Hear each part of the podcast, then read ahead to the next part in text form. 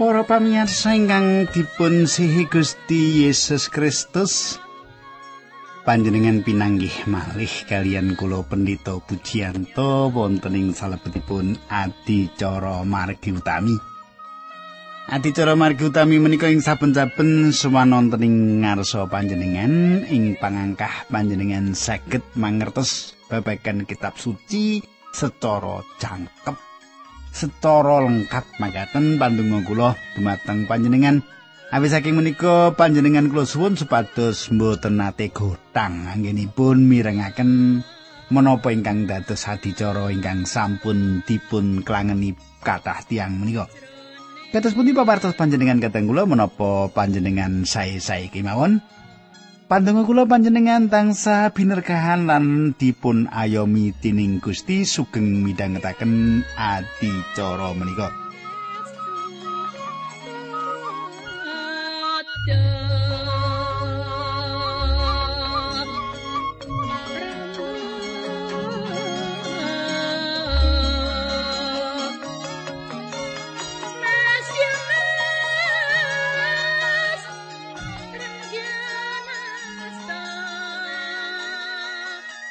Para pamirsa wonten ing pepanggihan kepengker kula sampun ngaturaken lan kita sampun nyemak bilih Soleman sampun kasil nyingkiraken para pambalela lan piyambakipun saged nyepeng pusaraning pemerintahan kanthi kebak katentreman.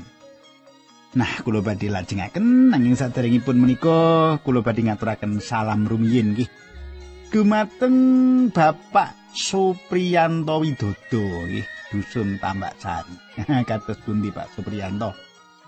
Menapa panjenengan samenika sesarengan kalian kula nggih wonten daerah panjenengan gelombangipun kala-kala wiwitane cetha barbarane ora cetha. Gitu. Nah kita tunggaken supados sing sanes wekdal gelombang menika saged cetha wela-wela.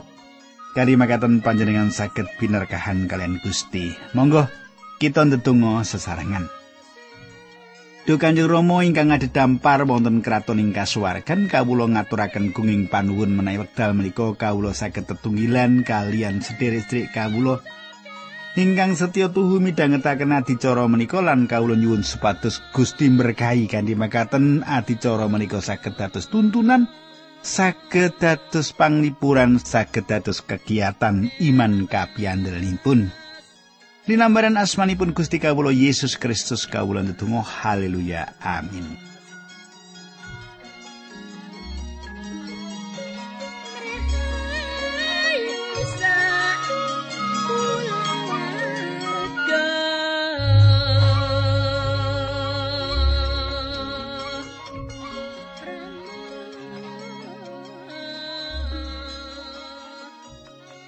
Para pamirsa ingkang kula tresnani, pasinaon kita samenika sampun ngancik setunggal para raja bab 3. Setunggal para raja bab 3 kula badhe maosaken ing basa petinan inggih menika saking ayat setunggal ngantos kalih lajeng sekedhi-sekedhi badhe katambahi malih. Makaten surau sing pangandikan. Soleman kromo karo putrine raja Mesir temah Mesir dadi balani. Putri mau diboyong menyang kutane Daud lan manggoning kono nganti kratone Sang Prabu lan pedalemane Allah sarta betenge kutha Yerusalem rampung dibangun. Sarene pedalemane Allah durung dibangun, rakyat nggone saos kurban isih ana ing mespeh rupa-rupa. Katang kula, salah satunggal ingkang dipun tindakaken Soleman sasampunipun piyambakipun dados raja inggih menika krama kalian putrinipun prengon raja Mesir. Karimakaten piyambakipun bangun pasekuton kalian negari Mesir. Patrap Sulaiman Kromo kalian wanita-wanita ingkang boten tepang kalian Gusti satunggalipun kalepatan ingkang tundhonipun dados jalaran ajuripun. Sasampunipun krama kalian putri prengon piyambakipun sowan Gusti lan nyuwun kawicaksanan. Sasampunipun pemerintahanipun Daud wonten katentreman lan tiang Israel wiwit wangsul manembah dumateng Brahala. Menika saged dados wucalan kita kadang kula nek kita nerak paugeranipun pangeran wis dikandani aja rabi akeh-akeh. aja rabi akeh gitu. Aja ngantek rabi karo wong sing ora percaya. Nanging Soleman nerak menika lan menika dados jalaran ajuripun kerajanipun. Lan ingkang kalih wau dipun aturaken bilih katentreman urip kepenak kuwi njalari nyimpang saka pangabekti marang Gusti Allah. Urip tentrem kepenak bondo cukup lali sumende karo pangeran. Nah, makaten kula lajengaken ayat 3 ngantos sekawan. Sulaiman ngabekti marang Allah lan gugu marang piwelinge ramane nanging nggone nyembelih lan saus kurban kewan isi ana ing mesbeh sing pitu-pitu. Mesbeh sing kerep diagem ya kuwi sing ana ing Gibeon, Sulaiman kerep saus kurban ana ing kono.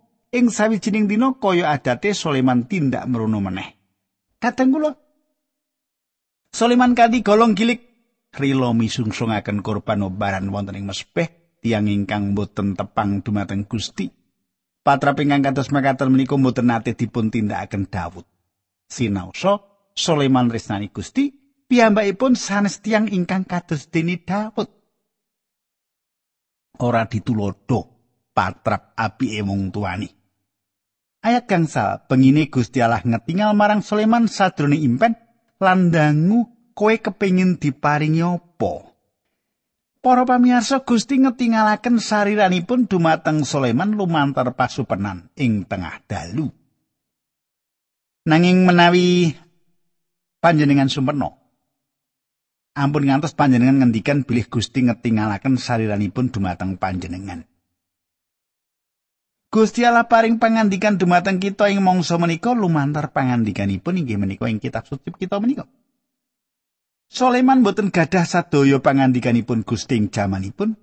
Dados Gusti Allah ngetingalaken saliranipun dumateng piyambakipun wonten ing salebetipun pasupenan.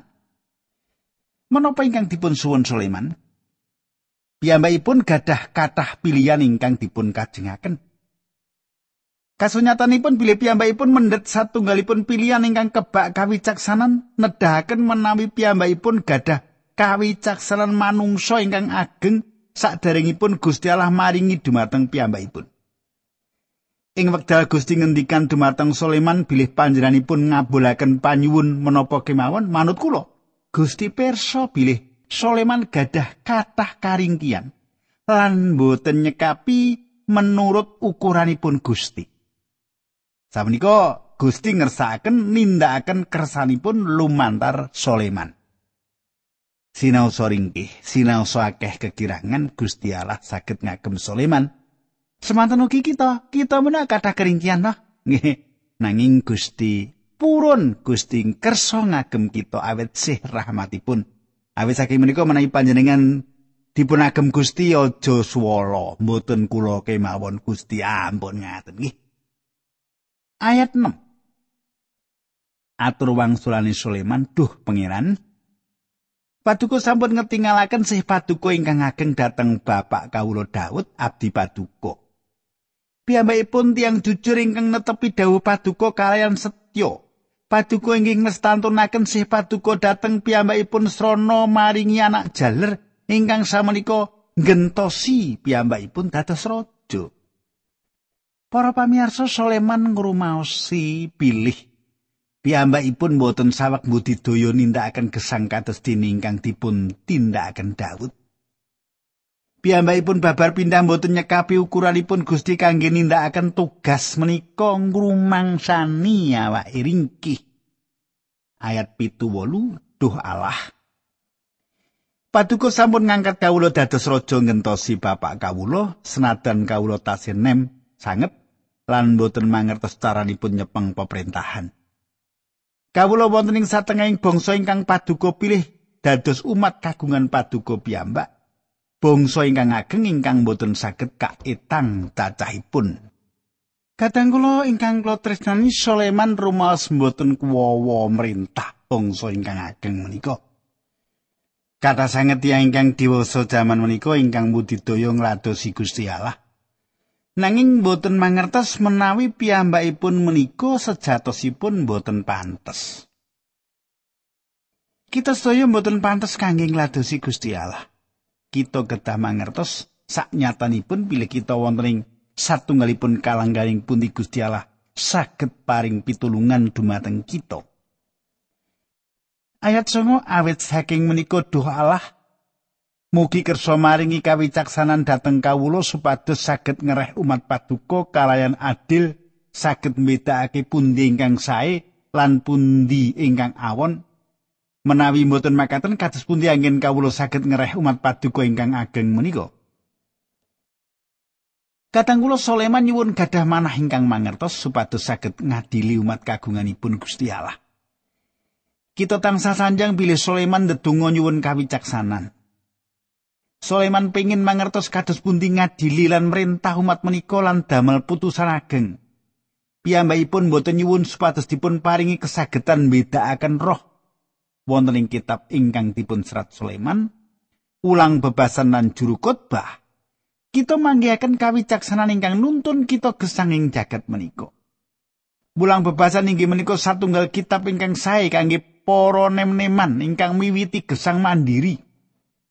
Sinaosa ing salebetipun kidung agung piyambakipun panjing ngetingalaken menawi gadah ganjaran kasukman bedakaken roh wonten ing yuswa sepuyipun para semahipun boten tepang Gusti ngungkuraken manahipun Gusti. Ayat 12 ngantos 11 panyuwune Sulaiman mau gawe renaning penggalihe pangeran.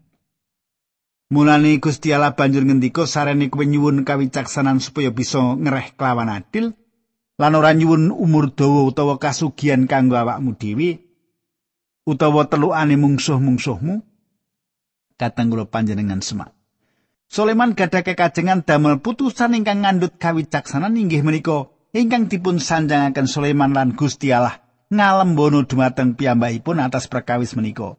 Menapa ingkang dipun tindakaken menika satunggalipun tindak ingkang ageng. Ayat 12. Mulani panyuwunmu bakal ndak sembadani, kowe bakal ndak dadekake wong sing wicaksana lan sing luwih dhuwur kawruhe ketimbang karo sakae wong sing urip sadurunge lan sawise kowe. Para pamirsa Soleman panci misuwur dados raja ingkang kagungan kawicaksanan. Ing wekdal panjenengan maos kitab ulang bebasan lan juru khotbah. Panjenengan badhe manggihaken kawicaksanan manungsa ing tingkat ingkang luhur piyambak. Kula mboten gadah niat matur bilih kitab-kitab menika mboten dipun wahyoaken Gusti Allah, cetha dumateng Sulaiman. Gusti Allah paring kawicaksanan manungsa ingkang luhur piyambak. Menawi namung kawicaksanan saking manungsa mboten cekap kangge ngadepi masalah-masalah gesang menika. Samenika ayat 13 kawan Malah apa sing ora kok suwun pisan bakal ndak paringake marang kowe? Ya kuwi sakjek murip kowe bakal sugih lan kajen keringan ngluwi raja-raja liyane ing endi wae. Yen kowe nglakoni dawuh-dawuhku lan manut marang pepakon-pepakonku kaya bapakmu Daud, kowe bakal ndak paringi umur dawa. Para pamirsa, ingkang dados patokan kados ingkang sampun kita ketinggalaken saderengipun Inggih menika patokan ingkang dipun pratelakaken Daud. Inggih menika satunggalipun patokan manungsa lan sanes ingkang luhur piyambak. Nanging sinadyan kados makaten, namung sekedhik raja ingkang saged nggayuh patokan kados makaten menika. Ayat yang 11, bareng Sulaiman wungu ngerti yen Gusti Allah wis ngendikani sadurunge ngimpen mulo banjur tindak menyang Yerusalem jumeneng ana ngarepe peti perjanjian Allah lan nyaosake kurban hubungan dan kurban keselamatan sawise mengkono banjur nganakake pesta kanggo para punggawani Para pamirsa, kurban obaran lan kurban bedamen gambaraken dumateng Gusti Yesus Kristus. Kurban obaran meratelaken gegayutan sinten to panjenenganipun menika? Kurban bedamen meratelaken Kegayutan kasunyatan bilih panjenenganipun ngawontenaken bedamen kanthi netesaken rah panjenenganipun wonten ing kajeng salib. Awit kalengganipun panjenenganipun gadah panguwas nuntun kita dumateng gegayutan ingkang yektos kalian Gusti Allah. Tumete sing rah panjenenganipun dados jalaran nyucikaken dosa-dosa kita. Ing salebetipun perangan pungkasan saking pasal menika kita nyemak kawicaksanan Sulaiman ing salebetipun nyukani pamrayogi ing satunggalipun masalah ingkang nyoto. Mboten kalih wanita lan salah satunggaling antawisipun gadah lari. Wanita kalih menika ngakeni pilih menika larinipun.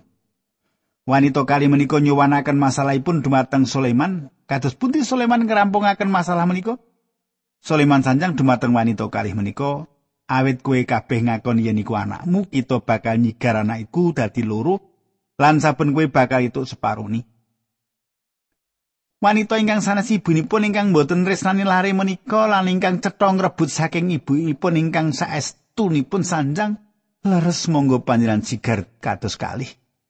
Nanging ibu ingkang sayektosipun sanjang, "Oh, ampun, ampun.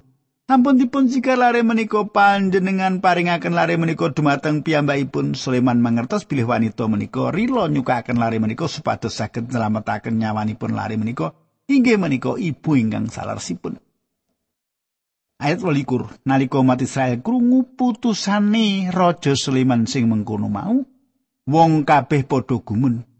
Wedi lan urmat marang panjenengani. Mergo cetha yen Gusti Allah wis paring kawicaksanan marang Sulaiman mula bisa mutusi perkara kelawan adil Katanggula menika salah satunggal contoh saking kathah putusan ingkang ngandut kawicaksanan ingkang ditetepaken Sulaiman ing wekdal peperintahanipun. Nah, katanggula ora krasa kita ngancik pasinon kita ing setunggal prorojo bab sekawan. Sameniku kula bacaken ayat setunggal ngantos 6 nggih. Raja Sulaiman ngereh bos sebangsa Israel kabeh. Para punggawane Sulaiman sing dhuwur pangkate ya kuwi imam-imam Sadok Asaria bin Sadok Abiatar. Sekretaris Kedaton Yusafat bin Amihud, Panglima Tentara Benoyo bin Yuyada, panggedini para bupati, Asaria bin Nathan, penasihat rojo Iman Sabut bin Nathan, panggede urusan Kedaton Ahisar, panggede urusan Karyonegoro Aduniram bin Abda. Para pamirsa ing sawetawis ayat kawitan saking pasal menika wonten satunggal daftar saking para pengageng Sulaiman dipun serat. Sawetawis sing antawisipun cetha wayahipun Daud ingkang ateges pilih tiang-tiang menika kalebet keponakanipun Sulaiman. Ayat pitu. Sulaiman ngangkat bupati rolas kanggo ngereh satana Israel kabeh Kewajibane para bupati mau nglumpukake saka daerah dewi-dewi pangan kanggo dahari Sang Prabu lan para wargani kedaton carane giliran saben bupati diwajibake netepi gilirane setahun sepisan lawase sesasi. Para pamirsa Sulaiman gadah karyawelas kepala daerah. Saben kepala daerah asalipun saking tanah Israel, kepala-kepala daerah kalawa dipun sukani tugas nyawisaken kabetan raja lan rumah tangganipun. Menika satunggalipun cara Sulaiman ing salebetipun narik pajak. Ayat kali dosa ngantos likur. Cacai rakyat Yehuda lan Israel keh banget, persasat wedi ing sapinggiring segoro, uripe seneng panganan omben-ombene turah-turah.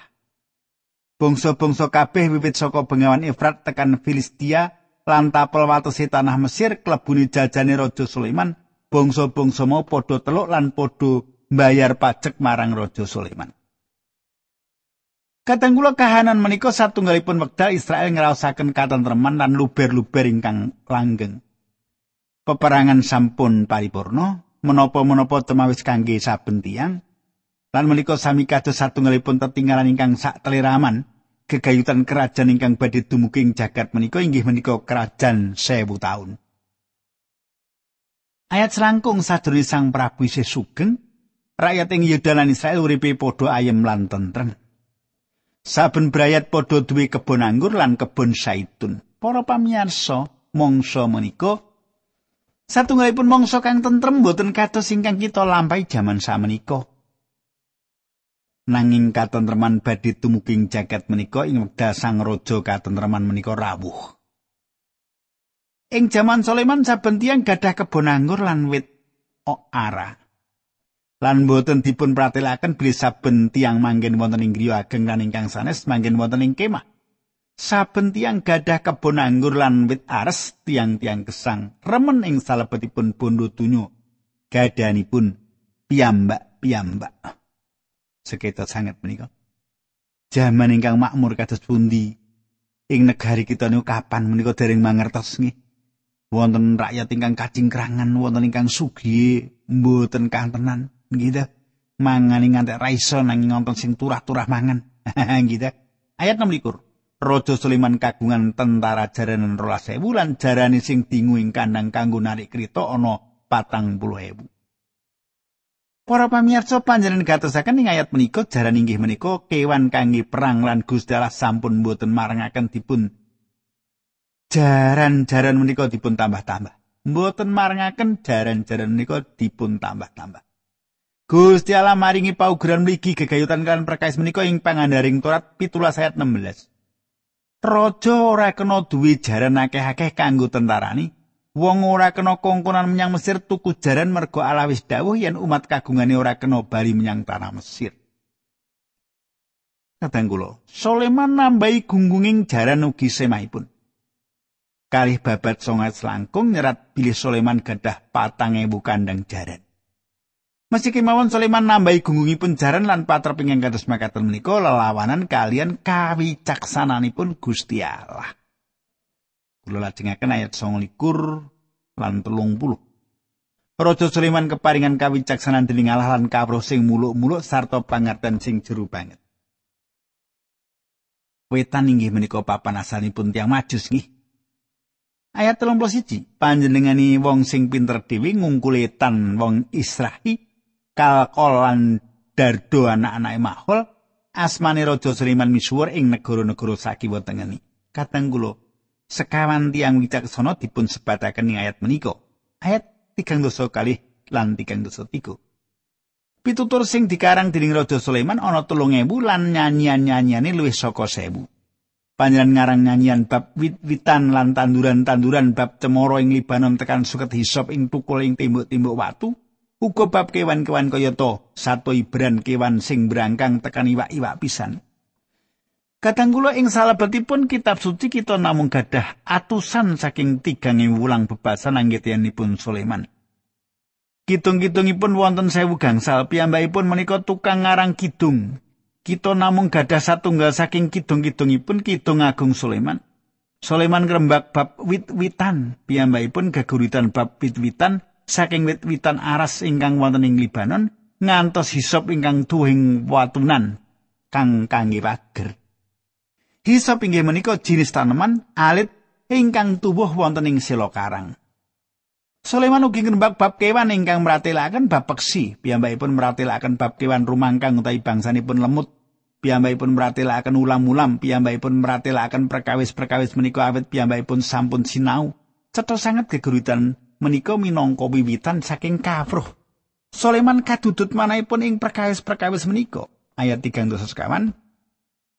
Raja-raja sak jagat padha mireng bab kapinterane Raja Sulaiman mula padha ngutus utusan supaya padha nyinau kawicaksanane. Katanggula Sulaiman pikantuk pikurmatan saking jagat gegayutan kalian kawicaksananipun lan kathah tiyang ingkang dateng kangge mirengaken wejanganipun. Sawetawis pedoman watonan gesang dipun paringaken dumateng kita ing salebetipun kitab ulang bebasan, menika saged dados pedoman ingkang saestu migunani ing salebetipun gesang kita. Nah, kadang kula monggo kita tumungkul kita ndedonga. Duh Kanjeng Rama ing swarga, kawula sampun sinau perkawis-perkawis ingkang baku wonten ing gesang kawula. Paduka berkahi kawula Gusti, mugi pepanggihan menika mboten loho tanpa gina, nanging dados kekiatan sanak kadang kawula. Dinambaran asmanipun Gusti Yesus Kristus kawula ndedonga. Haleluya. Amin